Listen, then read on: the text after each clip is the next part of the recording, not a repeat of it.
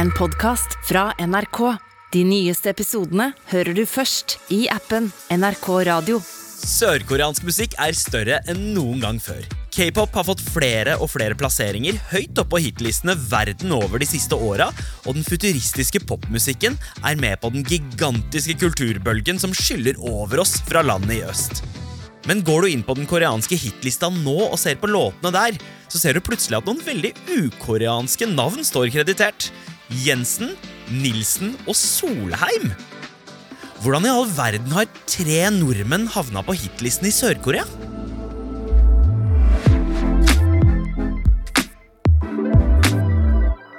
Velkommen til Musikkrommet. Jeg heter Sandeep Sin. Wow, fantastic, baby.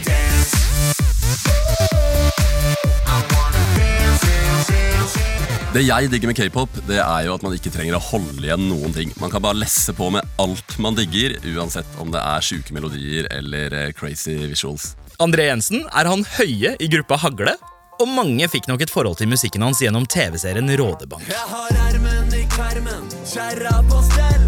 sladder i Chevrolet Chevelle. Men nå har han akkurat begynt å dyppe tåa i k-pop.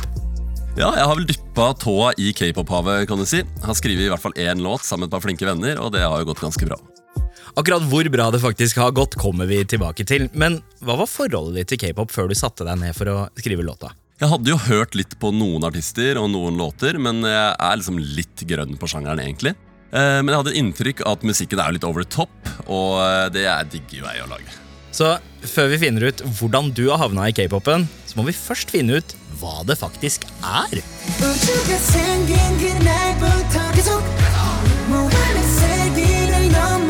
계속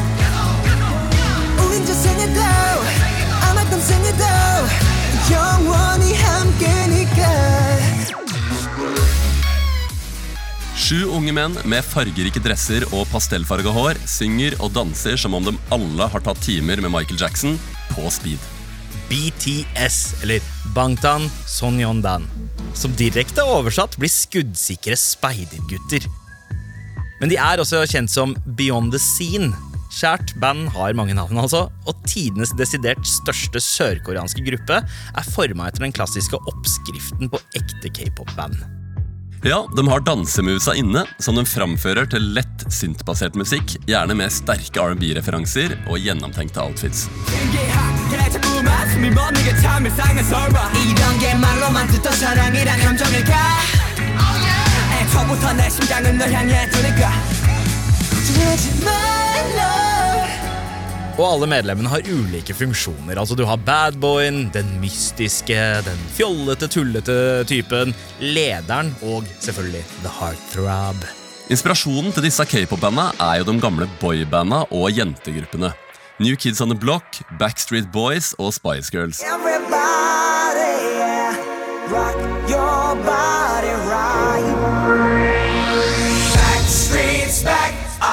Men det er som at i Sør-Korea så er det liksom satt på steroider. Alt er skrudd opp til 11. Blant annet antall medlemmer i eh, k-pop-banda. For det er jo alltid minst seks. Og opp til 17 også, som en av gruppene heter. Selv om de bare har 13 medlemmer etter at fire av dem slutta. da. Og med mange medlemmer å bli glad i, får k-pop-gruppene ekstremt mange fans. Altså, De er enormt populære, og de er jo nærmest som gudeskikkelser for fansen.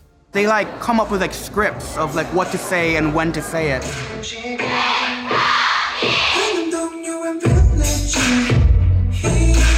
all of the fans will learn it. They'll do it at concerts, they'll do it at recordings, they'll do it at fan meetings. It's insane.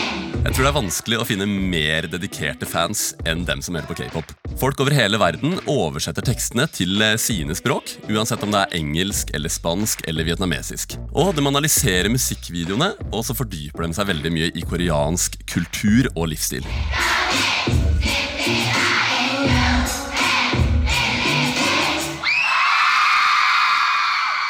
Men bak disse picture perfect-bandene er det et gigantisk apparat som helt ærlig og åpent fabrikkerer artistene og tjener fett på både dem og hele pakka rundt. Det er det som blir kalt for The Star Manufacturing System, i Korea, der underholdningsselskapene begynner å rekruttere såkalte trainees allerede i 10-14-årsalderen, og lærer dem alt de trenger av sang, dans, skuespill og alt annet de må kunne for å klare seg i den ganske harde musikkindustrien som den skal inn i. Ja, Det er jo ikke så ulikt missefabrikkene i Venezuela eller The Mickey Mouse Club i USA, som produserte andre NSYNC, Ryan Gosling og Britney Spears.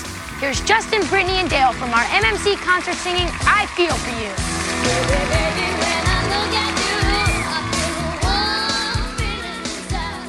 Bortsett fra at her så kan trainees tilbringe opptil 100 timer i uka på å trene. Det er perfeksjon som skal på plass før de skal opptre. Hvis de i det hele tatt får lov til å opptre.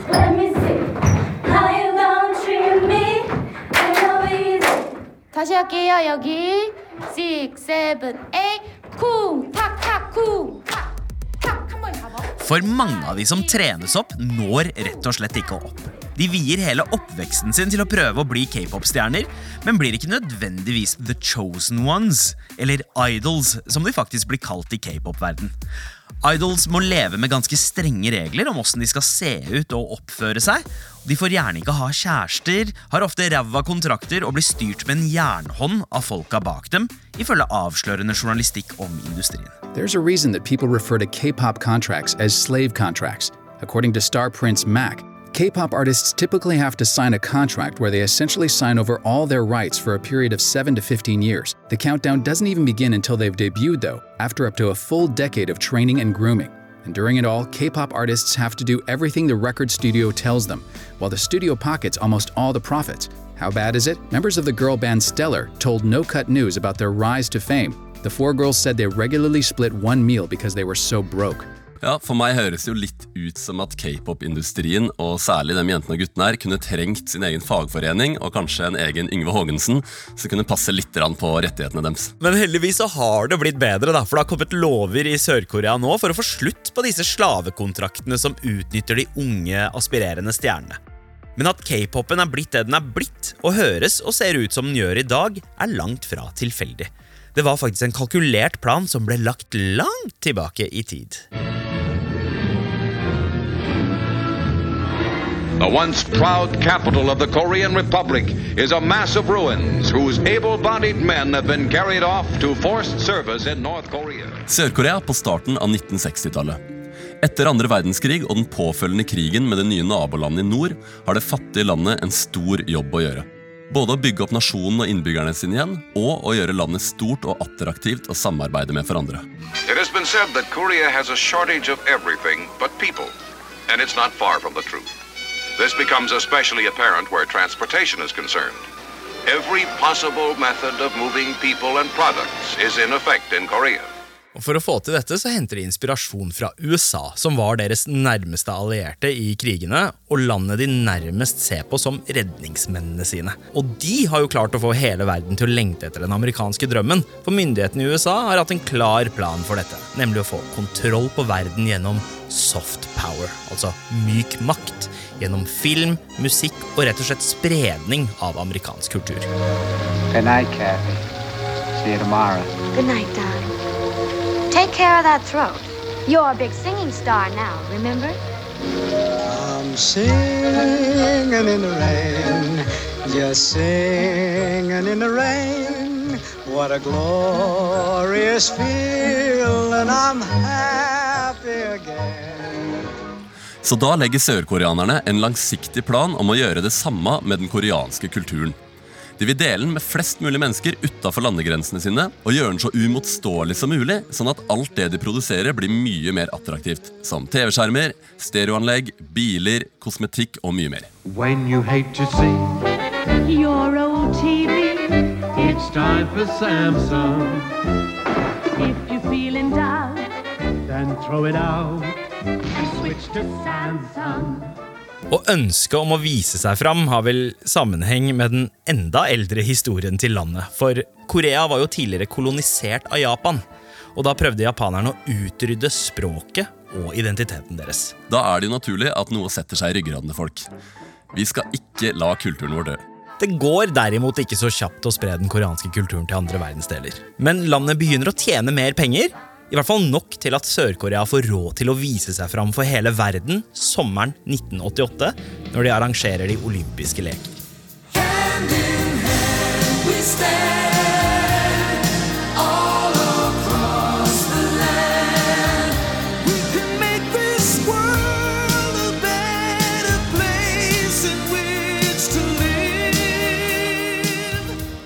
Og På 90-tallet begynner popmusikken i landet å ta ordentlig form når de importerer boyband-oppskriften fra USA.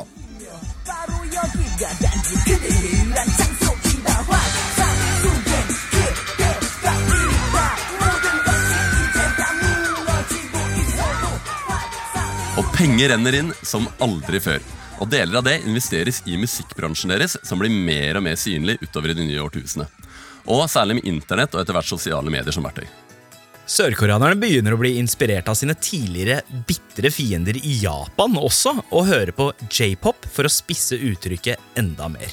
Men i motsetning til japanerne er sørkoreanerne mer enn villige til å eksportere musikken sin. Noe som gir resultater. Og etter hvert når den langt utenfor grensene til Sør-Korea, for plutselig skal hele verden danse som en viss koreaner. Open Gangnam Style. Gangnam Style.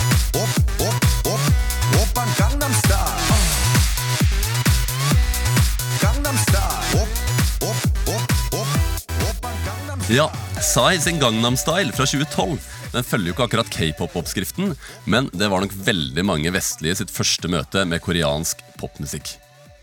Og herfra så vokser den koreanske bølgen seg større år for år. For enda mer penger pumpes inn i industrien, og musikken slår an og blir etablert som popmusikk også i andre deler av verden. Planen til sørkoreanerne har jo lykkes, selv om det har tatt ganske lang tid.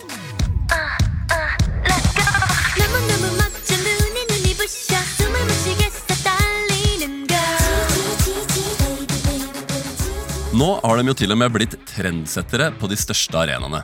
Det kommer flere og flere filmer, TV-serier og massevis av musikk derfra. Lenge var jo på en måte sørkoreanske filmer noe du fant på sære filmklubber, men det har jo virkelig snudd seg. Ja, Filmen Parasitt gjorde jo storeslem på Oscar og Cannes for to år siden, og TV-serien Squid Game fulgte i fotsporene på årets Emmy-utdeling. Ja, og maten er ganske hipp og kul, og nærmer seg kanskje etter hvert populariteten til sushi. Altså, Eksporten av koreansk populærkultur har blitt et så stort fenomen at det til og med har fått et eget navn.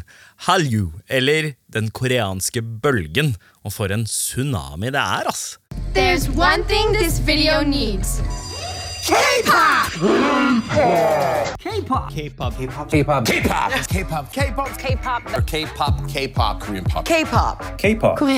Er definitivt mest pop i Korea, men nå begynner også musikken å fenge i Vesten. Året er 2018, og k-pop har blitt nyhetsstoff i Norge. Både fordi bølgen har nådd oss, og fordi det har blitt big business i Trondheim. Der har et sterkt musikk- og låtskrivermiljø spesialisert seg på å skrive låter som er bare retta mot det koreanske markedet. Et lite musikkmiljø i Trondheim produserer hits som har blitt sett mer enn 200 millioner ganger på YouTube.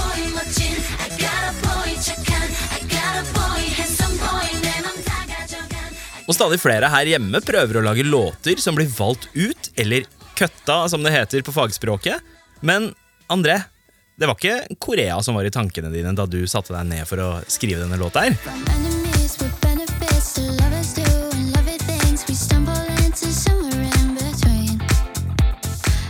Nei, det var egentlig ikke noe spesielt plan rundt den demoen. Den ble bare skrevet i løpet av et par session sammen med de to andre jeg har lagd den med, altså Iselin Solheim og Anders Nilsen. Og altså, Det er snakk om Iselin, eh, artisten som synger på den mest spilte norske låta i forrige tiår, nemlig Alan Walkers Faded.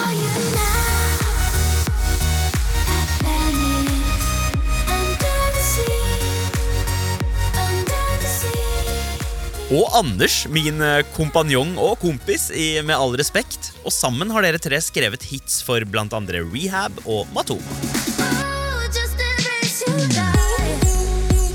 Ja, og det var jo Anders som helt på tampen slang inn den legendariske Gloria Gaynor-låta som sample, og det funka jo dødsbra. Det er helt nydelig.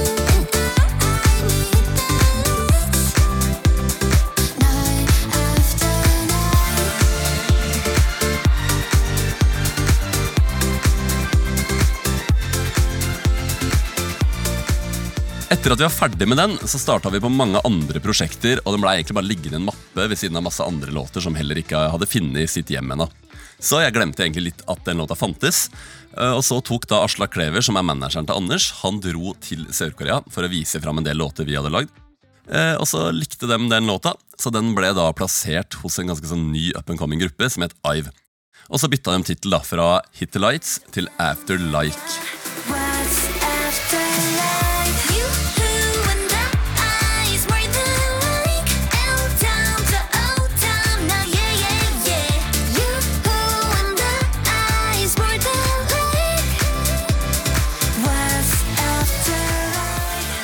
Ja, Afterlike, hva, hva skal det bety?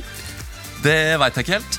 Eh, Men det, men det fete er at selv om det meste er oversatt til koreansk, så har de klart å beholde liksom alt av fraseringer og rytme og melodi og konsonanter og vokaler. da. På en måte Det høres helt likt ut som demon, bare at det nå er på koreansk. og det synes jeg er veldig kult. Så når jeg hørte den nye versjonen, og jeg ble fortalt at ok, det her er satsingslåta til den nye gruppa Ive, da tenkte jeg ok, det kan kanskje bli topp 50 i Sør-Korea.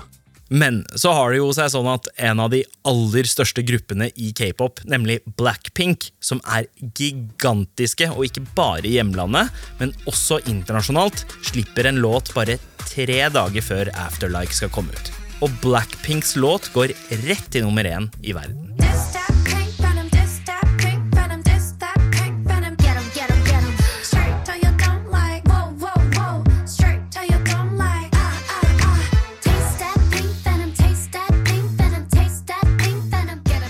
Jeg digger jo den låta, Pink Venom, så jeg har den på spillelista mi. hører på den Men det var jo litt nedtur òg, for de er jo helt sjukt populære.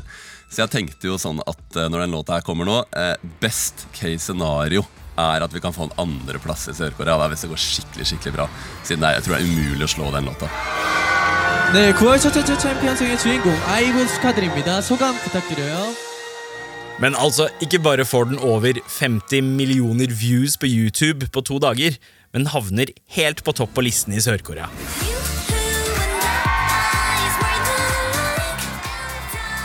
Og kommer på førsteplass på YouTube Global, André. Ja, det er ganske sjuke tall, og det er jo veldig, veldig gøy. Hvordan merker du at låta di er på topp i et av verdens største musikkmarked?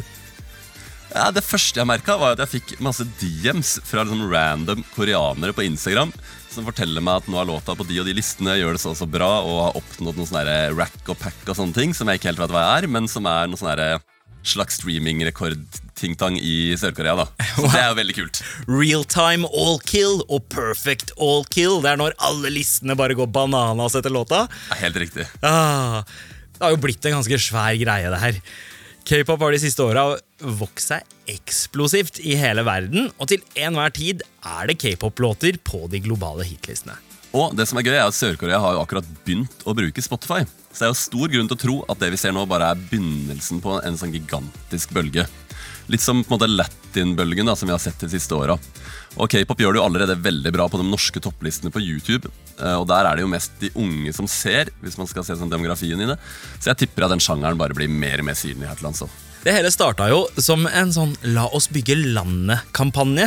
Og på tross av at industrien bak k-popen har eh, sine skyggesider, så har den jo fått en del impact utover musikken. Og mye av det er jo svært positivt.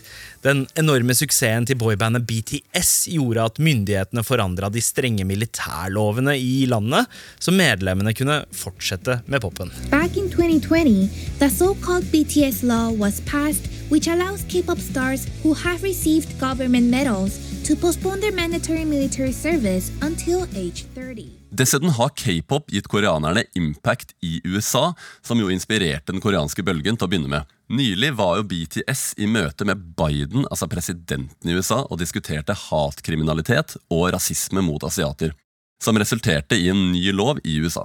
K-pop sensation BTS is in Washington today, but not for a concert. The group, which has become a worldwide phenomenon, is set to meet with President Biden at the White House, and they're shining a light on a very serious topic. Altså, Snakk om gamechangere! De leker ikke musikkbutikk i Sør-Korea. altså. Absolutt ikke, og arbeidsmoralen der er jo helt sjuk. Altså, Folk drar jo ikke hjem fra kontoret ved middagstider der, for å si det sånn. Nei, altså, Jeg har jo hørt om møter eh, som gjerne kan vare en hel arbeidsdag eller mer. Og de kan ofte finne på å starte klokka ni på kvelden og vare utover natta og ende på bar. Og kanskje er det noe av det som gjør at de får gjennomført så sjukt mye, og at det blir gjort så innmari profesjonelt.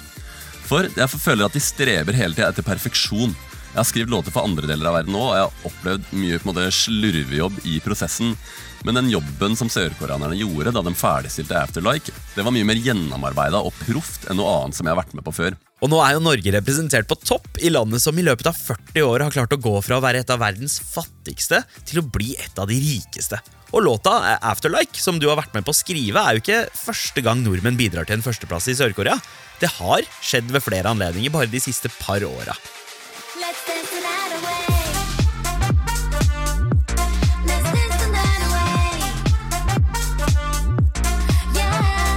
Det som er helt ko-ko, er jo at helt samtidig som vi nå er på topp, så også da Mathias Nilsen, lillebroren til Anders, han har skrevet en låt som også gjør det sjukt bra. Jeg tror på et tidspunkt så hadde vi sånn første- og andreplass samtidig på en liste der, da. Så bare innafor den samme søskenflokken her, så er det nå stor suksess. Dette er veldig gøy. Og om vi skal spå trendene fremover nå, så kommer jo bare k-pop til å bli større og større i framtida. Så vi får håpe at vi ser flere norske navn kreditert fremover også. Ja, jeg kommer i hvert fall til å skrive mer k-pop, for det er veldig moro. Og så forhåpentligvis eh, reise bort en tur til våren. Du har hørt en episode av Musikkrommet. Hvis du likte det du hørte, anbefales gjerne til en venn. Takk til gjest André Jensen og Aslak Klever i Popular Demand. Denne episoden er laget av Amund Grepperud, Jean Kristin Sena, Nils Vingerei og meg, Sandeep Singh. Redaksjonssjef er Daniel Ramberg. Du har hørt en podkast fra NRK. De nyeste episodene og alle radiokanalene hører du i appen NRK Radio.